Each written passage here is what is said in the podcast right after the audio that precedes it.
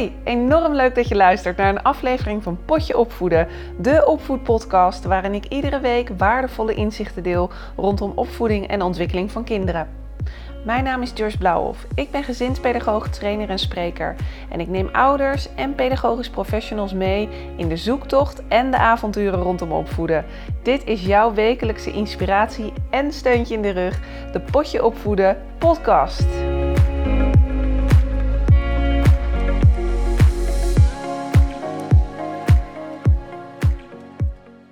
Hey, wat leuk! Wat leuk dat je weer luistert naar een nieuwe aflevering van Potje Opvoeden.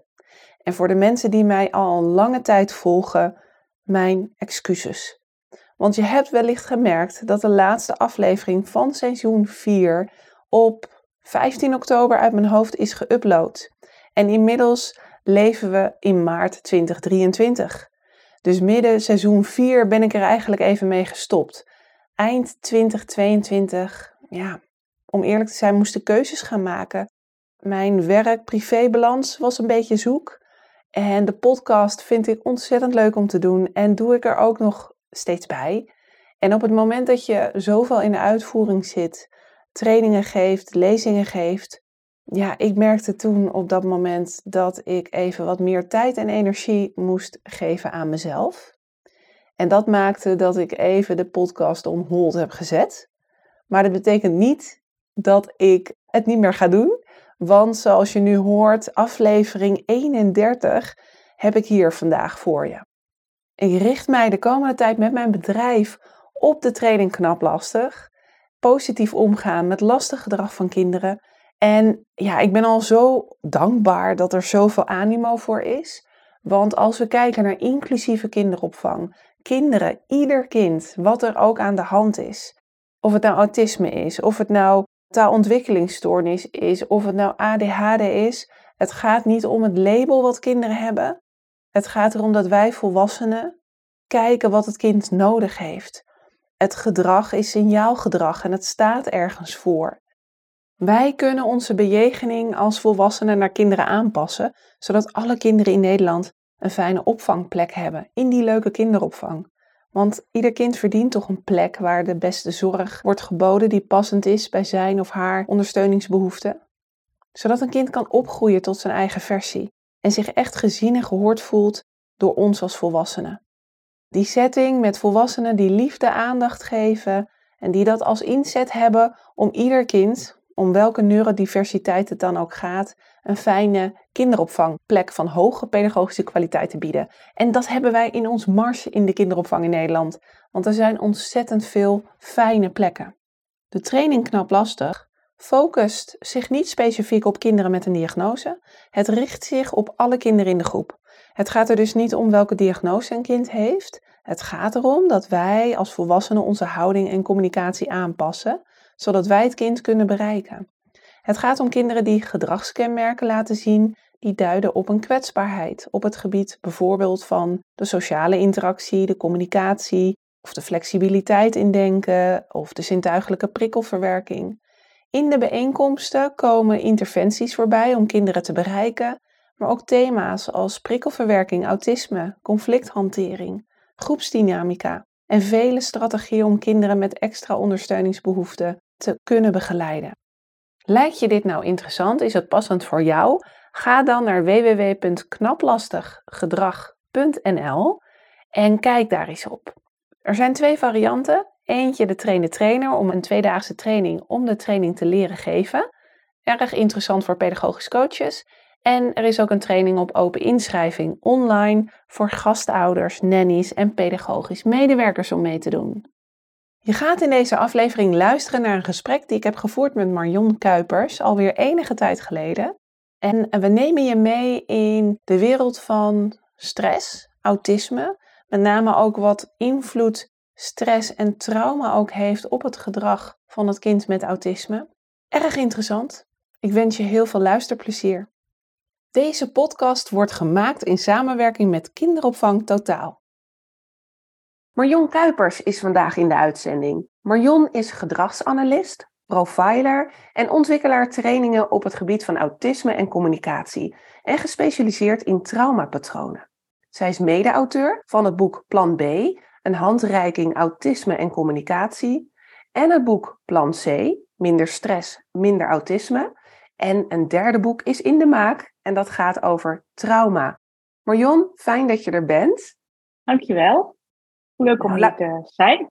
Ja, ik heb erg uitgekeken naar dit gesprek. We hebben het een aantal keer natuurlijk moeten verplaatsen wegens omstandigheden, maar het is ons toch gelukt. dus hartstikke goed. Laat ik maar beginnen meteen met de allereerste vraag. En dat is een hele brede vraag, Marion. Wat is jouw kijk op autisme? Wat is het, autisme? Oeh, ja, dat vind ik best wel een ingewikkelde vraag. Het wordt mij heel vaak gesteld ook, hè. Mhm. Van, uh, wat is autisme nog? En kan je dan tien dingen zeggen van wat je dan kunt doen om te zorgen dat het leven wat makkelijker wordt. Maar wij zijn echt de enige opleider die op de homepage van de website heeft staan van wij weten niet wat autisme is. En eigenlijk weet niemand precies wat autisme is. En ik word ook altijd een beetje huiverig als mensen zeggen van ik ben autisme-specialist en ik weet wat autisme is. Als je kijkt hoe dat vastgesteld wordt in de DSM, de DSM is het handboek psychiatrie zou je het een beetje kunnen noemen, waar heel veel diagnoses in beschreven staan. En het is een gedragsbeschrijving. Nou, het gedrag is het enige waarneembare in mensen. We kunnen niet in de binnenkant kijken, tenminste niet als het om je hoofd gaat. Een gebroken been kan je zien op een uh, röntgenfoto, maar als er in je hoofd iets is wat voor gedrag zorgt, dan kunnen we dat niet zien. Dus we moeten het doen met wat we waarnemen. Nou, en als je dan kijkt aan welke gedragsaspecten bijvoorbeeld autisme moet voldoen, dan zit daar best wel een mate van subjectiviteit in. Mhm. Dus voor mij zegt eigenlijk de diagnose autisme niets over de mens daarachter. En als gedragsanalist zijn we eigenlijk alleen maar geïnteresseerd van wie zit er nu tegenover ons, waar heb je last van en wat heb je nodig om te zorgen dat het wat makkelijker gaat. Ik hoor je zeggen inderdaad van de kenmerken, sommige zijn best subjectief. Kan je een voorbeeld geven van zo'n kenmerk wat in de DSM staat, dat op meerdere manieren te interpreteren is? Als je kijkt naar die diagnostiek, en het wordt wel steeds beter hoor, je krijgt ook veel meer beschrijvende diagnostiek, maar er wordt altijd nog wel, zeker op wat lager niveau, waar mensen werken, zeg maar, de DSM-diagnose verward met wie nou daarachter zit. Dus het geeft een soort van valse handleiding en als je kijkt naar hoe die diagnostiek bij kinderen wordt gedaan, ergens wordt aan de bel getrokken dat iets niet lekker gaat. Nou, dat kan zijn uh, dat je als ouder iets merkt. Ik heb zelf ook een kind met autisme. Ik wist het eigenlijk gelijk dat er iets was wat niet, niet helemaal klopte. Of op school gaan ze op een gegeven moment uitvallen. Nou, dat is vaak met 8, 9 jaar. Dus dan heb je de bevindingen van de ouders, want het kind kan het zelf nog niet aangeven. En het is maar net hoe je als ouder naar je kind kijkt of je daar een, een vinkje bij zet van dit merk ik op of dat merk ik op. Maar als je zelf ook heel veel herkenning hebt, omdat je zelf ook een bepaald patroon hebt of prikkelingsgevoelig bent, dan herken je sommige dingen niet, omdat ze gewoon heel erg eigen zijn. Ja. Nou, vervolgens wordt er natuurlijk op school nog zeg maar, gekeken wat er allemaal is. En dan komt er nog een orthopedagoog of een psychiater of een psycholoog ook naar jouw kind kijken. En dan volgt dan een totale conclusie uit. En er is een mooi stuk van uh, Peer van der Helm. Peer van der Helm is uh, hoogleraar residentiële jeugdzorg. En hij heeft het uh, stuk autisme konijn geschreven. En hij beschrijft ook van, het is best wel een soort van diffuus. Want als je kijkt naar trauma bijvoorbeeld en je kijkt naar autisme, dan zit er maar heel weinig verschil in de punten qua scoring vanuit die DSM in. Mhm. En dan is het maar net welke kant het opvalt, welke diagnose je krijgt. En dat is iets waar ik maar heel erg mee bezig hou. Want als je kijkt naar de diagnose autisme, en je valt in dat vakje, even oneerbiedig gezegd, dan horen daar ook allerlei begeleidingsaspecten bij. En bij autisme hoort heel vaak een beetje duidelijk zijn, je moet structuur bieden, uh, de picto's en de planningen en, en weet ik wat allemaal wat je dan zeg maar aangeboden krijgt. Maar als je kijkt naar het vakje trauma, wat dus heel dicht naast elkaar ligt. En als je kijkt naar de meest recente wetenschappelijke onderzoeken, dan is eigenlijk trauma voorliggend en de uiting kan zijn autisme, ADHD, hoogsensitiviteit en dergelijke. Maar daar zijn we denk ik met z'n allen nog niet in Nederland. Maar als je dus in dat, in dat vakje trauma kijkt, dan is eigenlijk de bejegening met trauma is heel erg sensitief, heel erg gericht op veiligheid bieden, heel erg gericht op het, op het uitreiken, het onvoorwaardelijke. Mhm. En dat aspect zie ik ook heel vaak in jeugdzorg, waar ik vaak als adviseur optreed. Als het autisme is aangekruist, dan wordt het kind op die manier behandeld. Als het trauma is aangekruist, dan is die behandeling op die manier. Maar als je dat vanuit gedragsanalyse zou fileren, dan zijn het eigenlijk allemaal kinderen en mensen die heel erg stressgevoelig zijn. Dus ergens in hun leven is er blijkbaar iets geweest waardoor je op die manier ontwikkeld bent. En dan vind ik het dus heel raar dat er een verschil is in bejegening. Want iedereen heeft veiligheid nodig. Iedereen heeft die uitreiking nodig en die onvoorwaardelijkheid nodig en die liefde nodig. En als je dus wilt dat gedrag verandert, dan moet je ook dat gedrag voorlezen dat je graag wilt zien in die hele bejeging. En moet je eerst afstemmen op de persoon. Om eerst inderdaad wat jij zegt, te kijken wie heb ik voor me zonder dat label. Hè, maar wat, wat, mhm. is er allemaal in jouw leven uh, gebeurd wat maakt dat je je gedraagt zoals je gedraagt? Klopt dat? Ja, nou, dat, is, dat is ook echt eh, de zin die ik altijd zeg. Van wat is in jouw leven aan de hand? Waardoor je op dit moment niet anders kunt laten zien dan dit gedrag. Mm ja, dus, dus gedrag is taal voor mij. Gedrag heeft altijd een reden. Wij doen allemaal iets, jij en ik ook, met een reden. Ja. We doen niet zomaar iets. Er zit altijd een interne drive of een interne motivatie achter. En dat is met de dingen die we doen omdat we die heel leuk zijn. Maar dat is ook met de dingen die we doen omdat we vinden dat het echt moet en moet veranderen. En dat is ook zelfs met de dingen die we doen als we gewoon pestbuien hebben. Ja, ja. ja en ik vind het altijd heel bijzonder dat, dat wij als volwassenen als goed functionerende volwassenen meestal, van kinderen met autisme iets vragen waar we zelf niet eens kunnen. Nee, kun je een voorbeeld geven? Ben je zelf wel zo verprikkeld geweest? Ja, iedereen. Hè? Dus niemand, ik ben nog niemand tegengekomen die nooit stress heeft. En dan is mijn tweede vraag ook altijd, en, en als je dan zo'n bui hebt, hè, kun je jezelf dan op dat moment reguleren? Niemand. Ik ook niet. Als ik een nee. pestbui heb en ik ben zagrijnig, ik ben moe, eh, dan is het altijd meestal mijn man die het moet ontgelden. Ja, en dan denk, denk, ik, dan ga ik, ga ik lopen ratelen. Of eh, ik ben bijna 40 jaar getrouwd. Uh, die koeien van 40 jaar geleden, die haal ik ook nog eens uit de sloot. En dan denk ik, Kuipers, stop daarmee, nu. Maar dat lukt niet. Wij kunnen dat zelf niet. En iedereen herkent dat, maar dan vragen we van een, kind van 4, 5, 6, misschien 16, 20, vragen we om dat wel te doen. En dat vind ik ook bijzonder. dus bij mij gaat het ook altijd heel erg om van hoe zit je zelf in elkaar? Hoe kijk je naar jezelf? En kun je ook kwetsbaar zijn als professional en onderkennen dat je dingen vraagt die soms helemaal niet, niet kunnen, omdat wij als mensen zo niet in elkaar zitten. Ja, inderdaad. En als je dan kijkt naar die gedragingen en naar die trauma, want daarom is natuurlijk denk ik ook je derde boek in ontwikkeling, over patronen over trauma, of patronen van trauma moet ik zeggen dan, denk ik, hè? Ja, trauma is een beetje, ik vind het nog niet zo'n hele goede benaming. Kijk, vroeger werd altijd gedacht dat trauma iets heel groots was. Hè? Dat je trauma opliep als je bijvoorbeeld heel iets heftigs meegemaakt had. Maar er hangt altijd nog de sfeer, zeg maar, een beetje overheen dat het gaat om hele heftige gebeurtenissen. Dus misbruik, seksueel misbruik, mishandeling, scheiding van ouders of lijden van ouders. En dat snappen we allemaal wel als we als kind dat mee hebben gemaakt, dat dat effect heeft op hoe je in het leven staat en hoe je stressresponssysteem zich ontwikkelt. Maar het trauma waar nu heel veel kennis over is en waar wij ons mee bezighouden, dat is eigenlijk het vroeg kinderlijke trauma en dat is de subjectieve ervaring die je hebt. Stel dat je als babytje in de buik van je moeder zit en je moeder heeft stress omdat de, misschien de zwangerschap niet gepland is. Of dat moeder denkt van, oh, hoe moet dat dan straks allemaal? En ik ben al zo druk. Of uh, er zijn misschien geldzorgen. Of de relatie loopt niet zo lekker. Of moeder schrikt of struikelt over de drempel. Dan gebeurt er al iets in die buik. En als babytje moet je je aanpassen, want je wilt overleven. En dat is geen bewuste keuze, dat is een onbewust mechanisme. En die zorgt dat eigenlijk weer aangepast wordt op de omgeving waarin jij ter wereld komt. En als dat voor jouw gevoel een onveilige omgeving is, dan gaan eigenlijk al je zintuigen gaan op scherp. Nou, die subjectieve ervaring, uh, daar moet ik natuurlijk ook nog wel wat over zeggen, want dat krijg ik nog wel eens terug van ouders.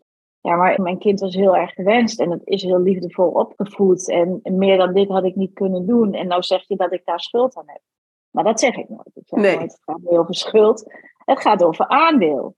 we, hebben, we hebben als ouders zijn we het aller, allerbelangrijkste voor ons kind. kind is volledig afhankelijk van de ouder als het geboren wordt. Zelfs al in de buik ben je totaal afhankelijk, zelfs van wat je moeder eet en hoeveel ze slaapt en hoe gezond ze is, hoe ze voor zichzelf zorgt. Dus ouders zijn het allerbelangrijkste, maar dat betekent ook dat ouders op alle lagen invloed hebben in die ontwikkeling. En dat gaat dus niet om schuld, maar dat gaat om aandeel. Dat is best nog wel een lastige. Want er werd altijd gezegd, bijvoorbeeld bij autisme, uh, genetisch aangeboren, ja. kun je helemaal niets aan doen. Maar als je kijkt naar hoe trauma werkt en als je al die bekende traumawetenschappers volgt, hè, zoals Gabo Maté, Bessel van der Kolk, uh, Peter Levine, ik zit even hier op mijn, uh, op mijn lijstje te kijken, wat heb je nog meer liggen? Deb Dana, Daniel Siegel bijvoorbeeld. Dat zijn ontzettend bekende internationale wetenschappers die zich daarmee bezighouden. En dan maakt het denk ik wat makkelijker als je ook kunt accepteren dat er aandeel is. Want als er aandeel is, dan heb je ook een stukje regie. En een stukje invloed.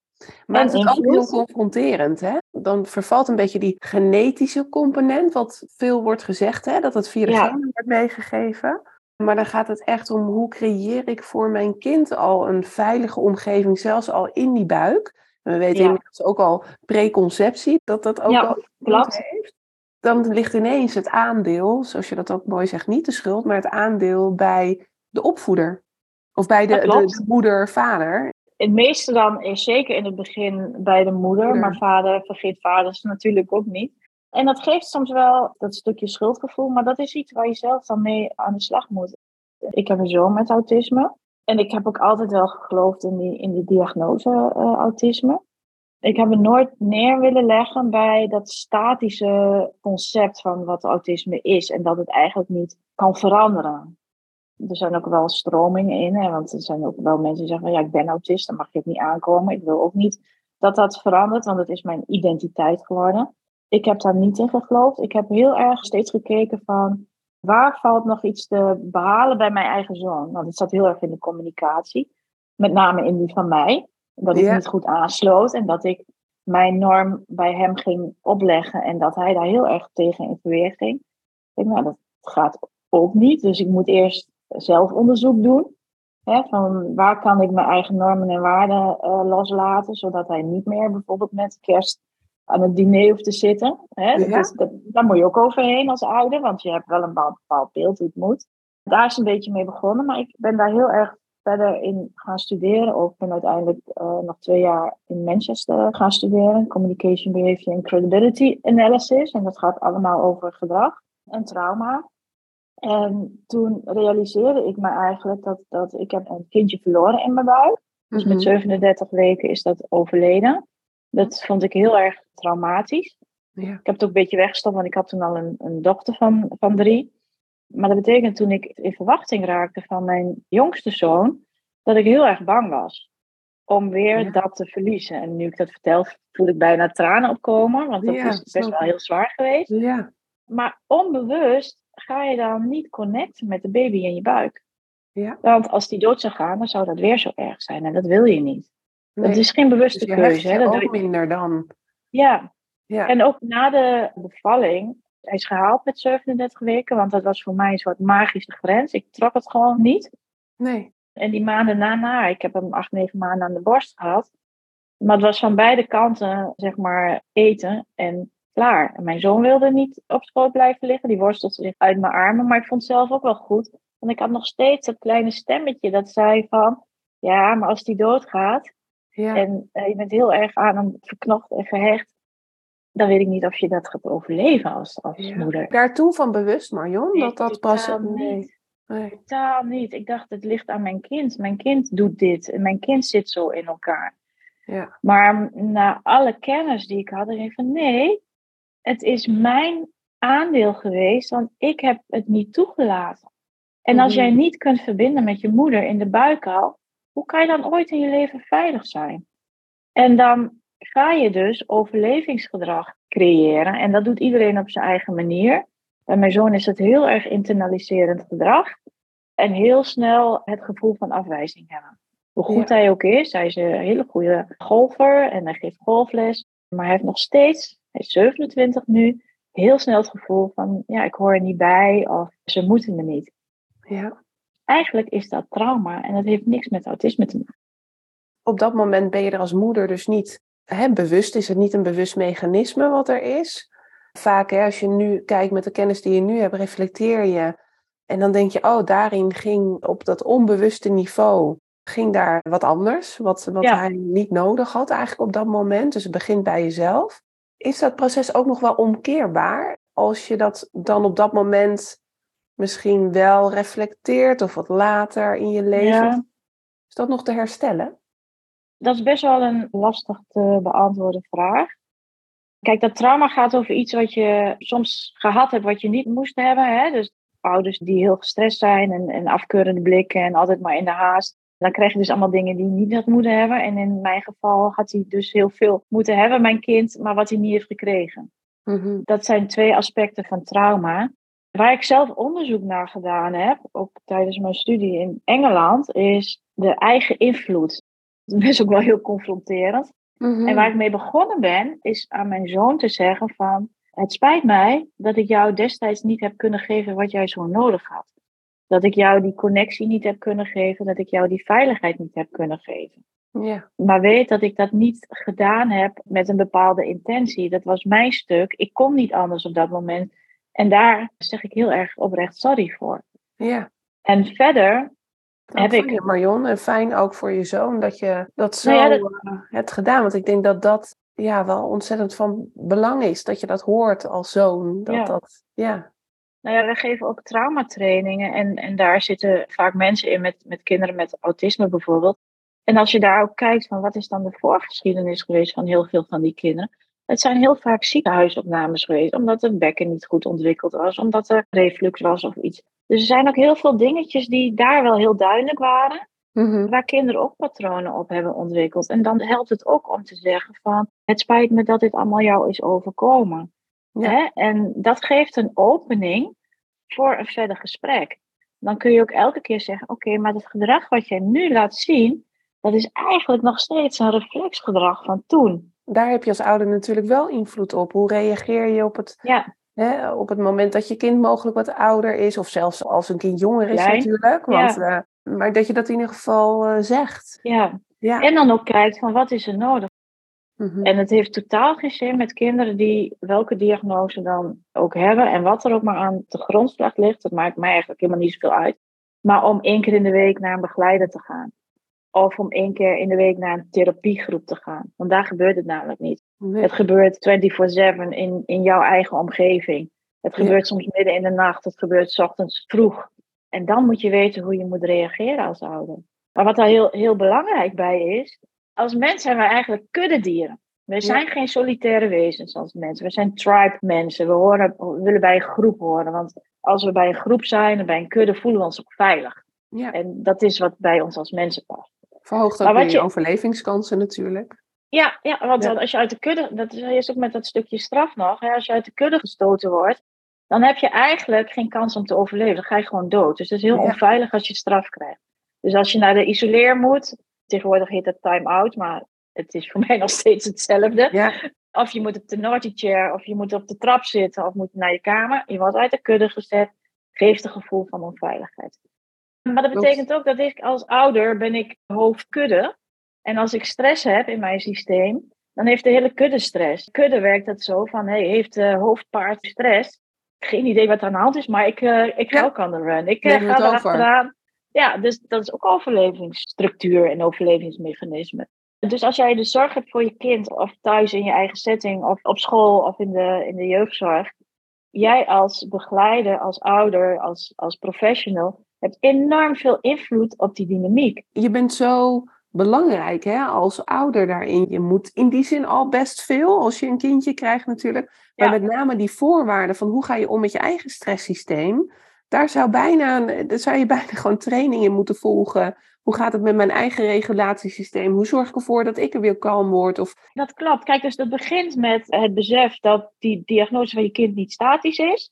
Ja dat je aandeel hebt als ouder, omdat je zo ontzettend belangrijk bent. Maar ook als leerkracht en ook als, als professional, zeg maar, in de, in de jeugdzorg. En dan dat je ook zelf het instrument kunt zijn.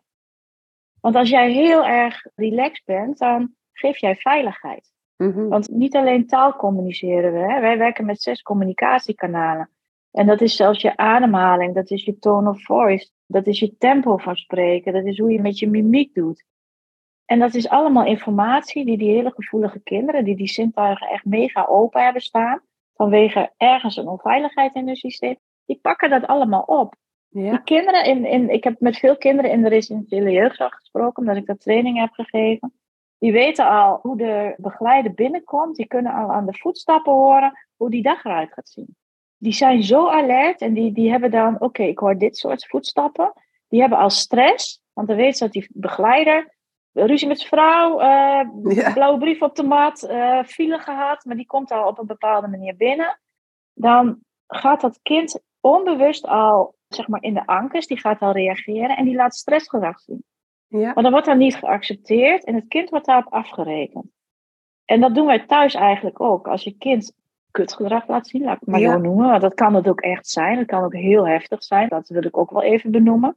Zeker. Eh, wij reageren daarop. Maar als je als ouder kunt kijken van... hé, maar wat is hieraan vooraf gegaan? En welke invloed heb ik zelf gehad? Dan is dat best een force hoor. Ja. En dat, Ja, dat vind ik zelf ook altijd confronterend, Marion. Als ik dan Ja. kijk naar mijn zoontje en dan denk ik, oh, deze situatie, hoe hij reageerde, nou, dan heb je zelf stress. Maar dan ga ik eens terug en dan kijk ik, wat heeft het gedrag getriggerd? Wat gebeurde er Ja. bij mij?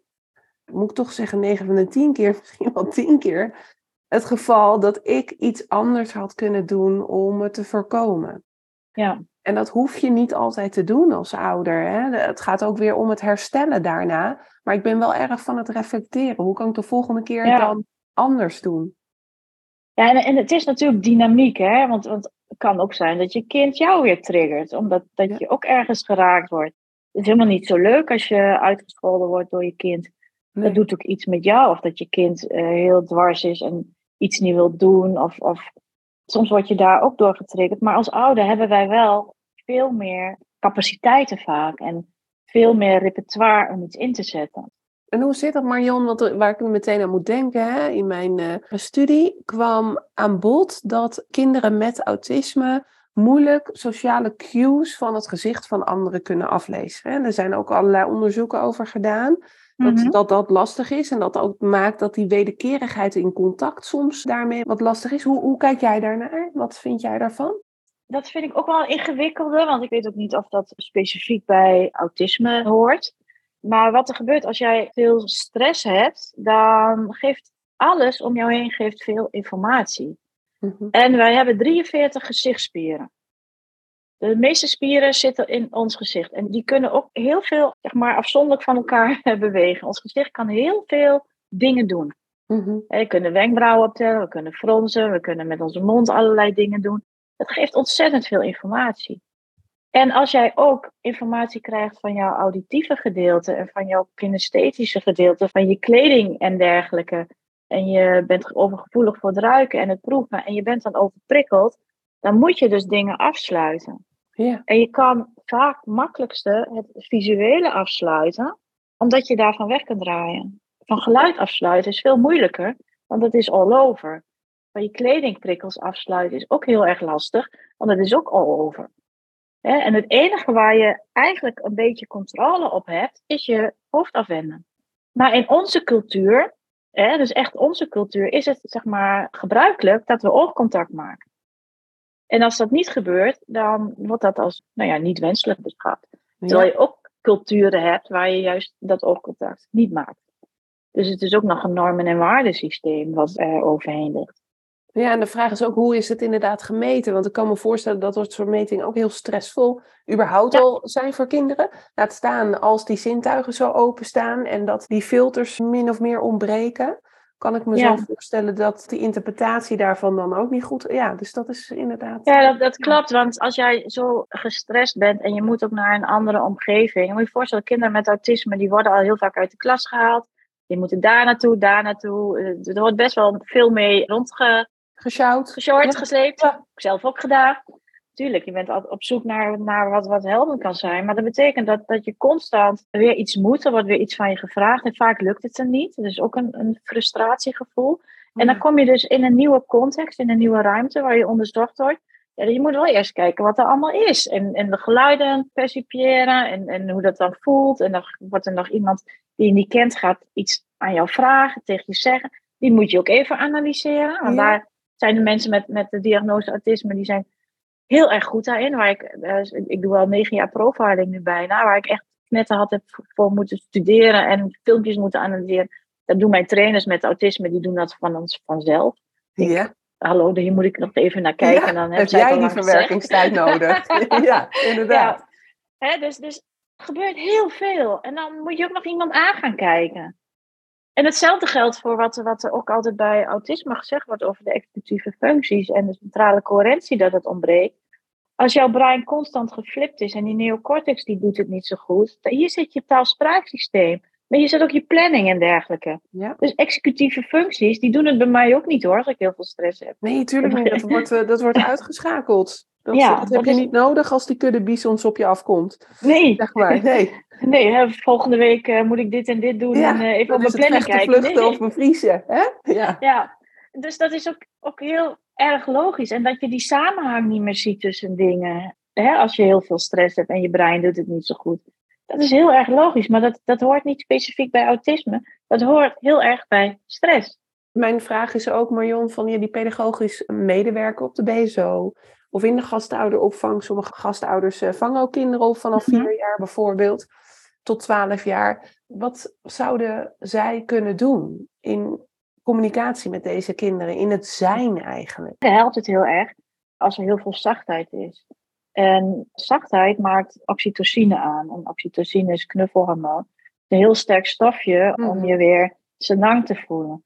Dus het helpt al als je ook, dat doe ik zelf ook altijd, hele zachte kleren aan hebt. Want als die kinderen dan bij je komen, vooral die kleintjes, en die kunnen een beetje tegen je aanhangen, en het is zacht, dan geeft dat een kalmerend effect. Ja, Hè, en het helpt als er knuffels zijn en zachte dekentjes, een hoekje met kussentjes. En wat ook heel erg helpt, en ik moest altijd heel erg lachen als we training gaven, van, eh, dat je allemaal dezelfde geur op hebt. Want Ja. geur is het enige, zeg maar, reukzintuig, is het enige waar het ongefilterd binnenkomt.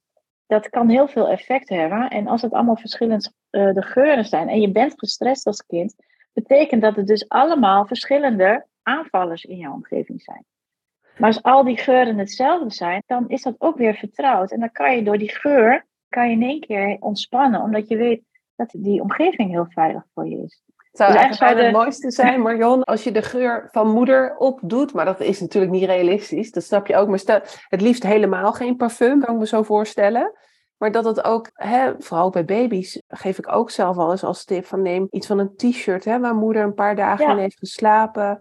Neem dat mee naar de opvang. Dat die eigenlijk vrij neutraal in geuren. Of zorgen dat er één bepaalde geur overheerst dus. Ja, Ja. En grappig, met puppies doen we dat wel. Als je puppy krijgt, dan gaat er altijd een doekje mee vanuit het nest. Want dan is dat veilig voor de puppy, maar dat doen we dan met de baby's weer niet. Ergens weten we wel hoe dat werkt, maar Ja. zo gauw het om mensen gaat, vergeten we blijkbaar weer een heleboel dingen. Ja. En natuurlijk, wat wij ook altijd zeggen, van check even in bij jezelf of bij elkaar, van hoe zit jij erbij? Want je hebt dus heel veel invloed op die dynamiek. En als jij zorgen hebt, of je hebt verdriet, of er is iets gebeurd, of je hebt stress gehad om op tijd te zijn, ga even apart en, en doe even iets waardoor je weer rustig wordt. Dat je ademhaling weer lager wordt, dat je spierspanning lager wordt. En dat je die veilige begeleider kunt zijn. ja. Eigenlijk zou je misschien wel moeten beginnen met, met iets rustigs. Met een kindermeditatie of wat dan ook. Ja, of een zacht muziekje. En dat, ja, en dat elke dag weer, dat het een ritueel wordt. Ik weet niet of je dat zelf wel eens hebt. Als je nou ja, misschien heel druk bent geweest en je ploft thuis op de bank en je hebt even een lekker kopje thee en je muziekje, of je, dat je dat gevoel hebt van, ah, Ja. kan weer landen. En dat Wat is bij voor die... mij heel erg werkt, is geur inderdaad. Dus dan Hm. doe ik of een geurkaars aan of wat wier ook. Maar dat zorgt ervoor dat ik veel meer in het hier en nu kom. Ik kan me Ja. zo voorstellen op je groep op het moment. Hè, maar dat is natuurlijk maar net welke voorkeur je hebt om eh, meer rustig te worden. Dat je daarin ook eh, inzicht kan hebben. Van hoe Ja. word ik zelf weer kalm. Daar begint het mee, ook voor de, voor de begeleiding. Ja, Want hoe kalmer de begeleiding, ja, hoe kalmer het kind eigenlijk. En, Ja. en, en de kinderen die, die gebracht worden, weet je, vaak worden ze in de ochtend gebracht, dan is het al hectiek thuis. Je moet door het verkeer, is altijd hartstikke druk tegenwoordig. Dus die kinderen hebben echt even nodig om te kunnen reguleren in die veiligheid. hoe zie je dat voor de BSO? Hè? Want die kinderen komen natuurlijk uit school. Als je een niet zo sensitieve leerkracht hebt, kan ik me voorstellen dat al heel wat is gebeurd op die schooldag. Mhm. Dan kom je op de BSO. Het is juist dan ook heel erg goed voor deze kinderen om even een soort van overgangsmoment te hebben, denk Ja. ik. Wat zou je daarin aanraden? In ieder geval ook dat er me-time is. Dus dat er niet gelijk een activiteit is. Of dat er niet gelijk een soort verplichting is van nu moet je thee drinken en, en ga vertellen wat, wat je helemaal gedaan hebt op school. ja, inderdaad. Dat er een PM'er tegenover je zit en dan eh, ja, dat het inderdaad verplicht is om daar wat over te vertellen. Ja. Dus Ja. als ik even terugga naar mijn vraag van wat kunnen die pedagogisch professional op de BSO bijvoorbeeld doen of op het KDV zorgen voor dat je in ieder geval een ruimte hebt dat warm oogt, zeg maar, wat minder, niet te veel detailinformatie, niet te veel prikkels en zorg voor warmte in je stemgebruik onder andere. Ja. In je manier van je lichaam gebruiken, het, het materiaal ook wat je aan hebt zelfs al. ja, heel belangrijk. Wees je je daar al van bewust? Zijn er nog dingen waarvan je zegt: dit is fijn om in de gaten te houden, om mee te nemen in het vak? Ja, wat, wat ik ook een hele belangrijke vind, en die komen wij echt best wel regelmatig tegen, omdat overal de werkdruk zo hoog is. Ik zie jou knikken, dat zul je denk ik ook wel merken. En Ja. daar kan de individuele werknemer vaak niets aan doen, hè, dus wat van boven komt. Maar dat geeft soms onderlinge wrijving. En het geeft soms een sneer hier of het geeft een boze blik daar. En dat heeft ook invloed. Dus eigenlijk zou ook vanuit management gekeken moeten worden of gefaciliteerd moeten worden. Loopt zo'n team goed? Is er niet iemand die heel erg aan zijn tak zit en daardoor gedrag laat zien? Of nu ook met dat er bezuinigd wordt bijvoorbeeld, dat de verwarming overal lager is. Is het dan nog comfortabel genoeg om die veiligheid te kunnen bieden? Of ben je zelf heel erg aan het overleven? Die Ja, dus- temperatuur is ook al zo van belang, hè? Ja, Ik was ja. toevallig laatst eh, met mijn zoontje bij een eh, subtropisch zwemparadijs. Nou, er was niks subtropisch meer aan. Want ik vroeg aan, aan die man, die, ze hadden de temperatuur daar al twee graden omlaag gezet. Ik merkte al zelf dat ik dacht, hier wil ik weg. Ik wil vluchten. Ja. Hè? Dus ja. je stresssysteem wordt dan ook geactiveerd. Dat is inderdaad, hoe zit dat bij je op de groep? Als je kijkt naar temperatuur en ja. Ja, en alles gaat direct. Hè? Het stresssysteem dat denkt niet na van oké, bla bla bla, dit is allemaal legitiem en er is een reden voor. Dat gaat Ja. gewoon gelijk aan. En dan heb je de verhoogde stress in je hele groep. Dus ook als het team niet lekker onderling gaat en er zijn wrijvingjes, dan heeft dat altijd zijn weerslag op die kinderen die al extra gevoelig zijn, omdat ze veel stress in hun systeem hebben. Ja. Dus daar ligt echt de verantwoordelijkheid op bij het management om te onderzoeken van, is iedereen lekker in zijn vel hier? Zijn ze blij? En- Kunnen ze het uitstralen? Is jouw verwachting dan ook, Marion, als ik hè, nu dat gesprek kijk en hoe jij kijkt naar autisme en trauma, dat wellicht die diagnoses misschien wel gaan toenemen in de toekomst? Als we blijven werken zoals we werken. Ja, zeker, Niet- 100 procent. Ja, Ja. ja, zeker. Ja, Dat, eh, als Ja. we niet die omslag gaan maken, ook om te kijken van dat het trauma dus meespeelt. ja. En want wat- als, als we, zeg maar, eh, weet je, ik lees heel erg veel en, en ik volg heel veel van die internationale wetenschappers. En die zijn er al lang uit dat die DSM alleen maar een traumaverklaringshandboek is. Mhm. Eh, maar zolang wij dat hier nog niet doen, en, en dat is ook wel ingewikkeld, want daar hangt ook een hele industrie aan, hè? Zowel medisch als in, hele GGZ. En, en heel veel mensen verdienen daar ook eh, hun inkomen mee. Ik Ja. zelf natuurlijk ook. Maar als we blijven kijken naar van dit is de diagnose en dit is voor die diagnose nodig, dan gaan we dus niet naar van oké, hoeveel stress zit er in het systeem en wat is daar nodig. En ik voer daar ook regelmatig gesprekken over, van we moeten naar preventie. Ja. We moeten naar preventie van de zwangere vrouw. We moeten zorgen dat de, de zwangere vrouwen snappen dat iedere seconde stress ook iets doet met hun kind. En daar hoort ook voeding bij, er hoort zelfzorg bij, er hoort misschien het oplossen van financiële problemen bij. En dan op het moment dat het kind er is, bijna alle moeders weten echt instantly van er klopt iets niet. Het gaat niet goed met mijn kind. Nou, ik heb er zelf ook wel stukken over geschreven, maar je wil niet weten waar ik overal geweest ben met mijn eigen kind. En dan ben ik een redelijk mondige moeder. Ik zoek dingen uit. Ik neem niet zomaar alles aan. Maar je gaat echt van het kastje naar de muur. En te goed voor het een en te slecht voor het ander. En dan weer daar en daar en daar. Uiteindelijk is je kind een jaar of negen en dan heb je die diagnose. Maar al die tijd daarvoor heb je geen hulp gehad. Nee. En wat die stress en die conflicten wordt maar steeds erger. Je relatie komt onder druk te staan. Ook daar ontstaan conflicten. Dus dat is gewoon niet te Dat doen. allemaal niet mee, nee. Wa- Wat is jouw wens voor kinderen? Ja, ik zie zoveel leed. eh, ook omdat ik adviseur ben voor eh, zeg maar de, de jeugdzorg in een provincie in, eh, in Nederland. En, en daar is het beleid geen enkel kind naar de residentiële jeugdzorg. Ik zie zoveel leed. En als ik dan meekijk en, en analyseer, dan zie ik ook dat wat er allemaal onder zit. En vaak praat ik dan ook met die ouders. En dan kom je eigenlijk altijd op trauma uit. Ja. En dan kom je eigenlijk altijd uit op dat er heel veel eerder iets anders had moeten gebeuren. En daar moet meer kennis over komen. Ja. Weet je, als ik dan lees van, ja, we zoeken voor dit kind een plek waar, waar ze om kunnen gaan met zijn agressie. Dan denk ik, nee, er moet een plek komen waar dat kind niet agressief hoeft te zijn. Juist. En dat is een hele andere manier van kijken. En ik, als ik daar lezingen over geef of trainingen, ik voel soms de weerstand, omdat het veel ingewikkelder is. En omdat je er dan ook naar jezelf moet kijken. Maar wat zou nog jouw eh, ja, je take-home message zijn voor de mensen die luisteren op dit moment? Nou, het begint bij jezelf. En heel goed voor jezelf zorgen, weten hoe je zelf in elkaar zit, kennis doen, vooral voor, ook voor ouders en voor pedagogisch medewerkers. Snappen hoe, hoe systemen werken, hoe iemand in elkaar zit, hoe, hoe dat stressresponssysteem werkt. En als je dat dan snapt, dan kun je er ook wat mee. Dan, dan heb je ook de tools om interventies te doen. Het lukt mij ook niet altijd hoor, ik ga ook nog wel eens uit mijn plaat. Ja, Maar ik tuurlijk. kan er wel, wel makkelijker heel vaak nog van wegblijven of veel sneller eh, resetten. Ja. En we blijven natuurlijk mensen in dynamieken en, en, En het gaat inderdaad om dat zelfinzicht. Hè? Dat, Ja. En dat je ook een beetje compassie hebt voor jezelf. Dus als het even Ja. niet lukt, dat dat ook oké is. Om Ja. vervolgens het volgende moment wel misschien weer anders te doen. Ik heb wel een mooie opdracht voor thuis. Ja? Eh, dat vraag ik altijd aan, mijn cursisten. Maak eens een lijstje met de tien dingen waar je het aller, aller, allermeest van houdt. Ja. Nou, dat mag je oude knuffeltrui zijn. En dat mag je hond zijn. Dat mag zelfs je partner zijn. Maakt, maakt niet uit. Maak maar een lijstje van tien. En er is niemand die zichzelf op één zet. Nog nooit. Nog nooit heeft een cursist bij mij iemand zichzelf op één gezet. Ja. En dat mag iedereen eigenlijk wel doen op zijn eigen lijstje. Want als je Ja. heel goed voor jezelf zorgt, dan ben je ook een betere voor de anderen. ja. Nou, mooi. Mooie laatste woorden, Marion. Dankjewel. Ik wil je ontzettend bedanken voor je bijdrage aan deze podcast. Ja, heel graag gedaan. En eh, ontzettend veel succes ook nog met het mooie werk dat je doet. Dankjewel. En eh, ja, nogmaals bedankt. Heel graag gedaan.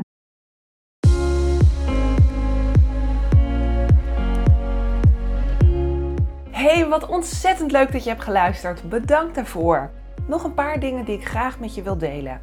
Wil je alle afleveringen overzichtelijk onder elkaar? Abonneer je dan op deze podcast. Klik in jouw podcast-app op de button subscribe of abonneren en je ontvangt dan automatisch een berichtje als er een nieuwe aflevering online komt. Mijn missie is om zoveel mogelijk ouders en pedagogisch professionals te helpen bij het opvoeden van kinderen. En om mijn missie te bereiken, helpt het als jij een review wilt achterlaten via de app waarmee je deze podcast luistert. Ken je nou iemand voor wie deze aflevering interessant is? Dan zou het fijn zijn als je hem of haar deze aflevering doorstuurt, door bijvoorbeeld de link te kopiëren in Spotify. Ik zou het ook gaaf vinden als je een screenshot deelt als je deze podcast luistert en deelt via social media.